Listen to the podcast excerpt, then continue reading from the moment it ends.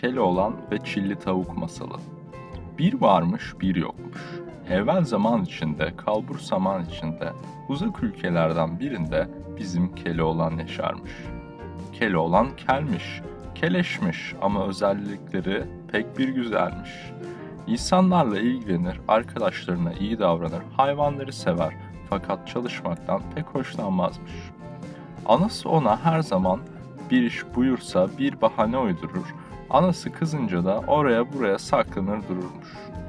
Günlerden bir gün evin kapısının önünde uyuyup dururken kısa boylu bir çocuk yanına gelmiş. Şşt, Keloğlan, Keloğlan, annesini üzen oğlan diye bağırmış.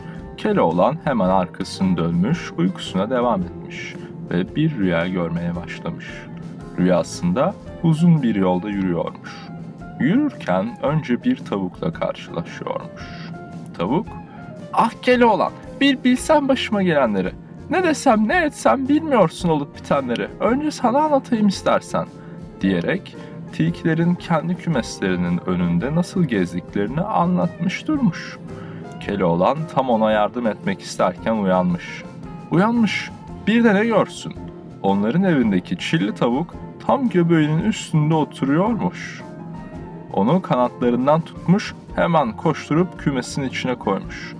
Çilli horoz neye uğradığını şaşırmış ama Keloğlan rüyanın etkisinde olduğu için tilkinin çilli tavuğu götüreceğini düşünmüş. Kümesteki tek tavukları olan çilli tavuğu alıp kendi yatağına yatırmaya başlamış.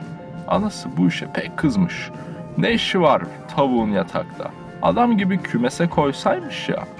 Keloğlan gözlerini ne zaman kapasa tilkinin çilli tavuğu kaçırdığını görüyormuş.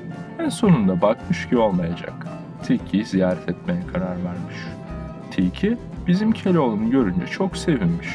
Onu yuvasına davet etmiş. Bizimki tilkinin yuvasına girmiş. Bir de ne görsün.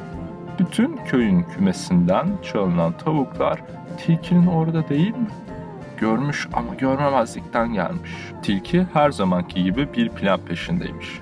Ama Keloğlan'ın aklının ne kadar çabuk çalıştığını hesaba katmamış. Tilkinin yuvasında biraz otururken Keloğlan izin istemiş. Ama tilki ona izin verir mi hiç? Onun planı Keloğlan'ı da bir kafese kapatıp yemekmiş. Keloğlan önce bir hoplamış. Duvarda asıl duran meşaleyi alıp kendi kel kafasına tutmuş. Buna bakan tilkinin gözleri kamaşmış. Keloğlan bu sırada oradan uzaklaşmış. Tilki onu elinden kaçırdığı için mutsuz, Keloğlan ise kahkahalar atacak kadar mutlu kaçarak uzaklaşmış.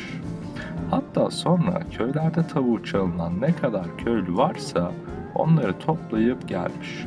Köylüler o kadar sinirlenmiş ki bizim tilki evini barkını bırakıp kaçmış.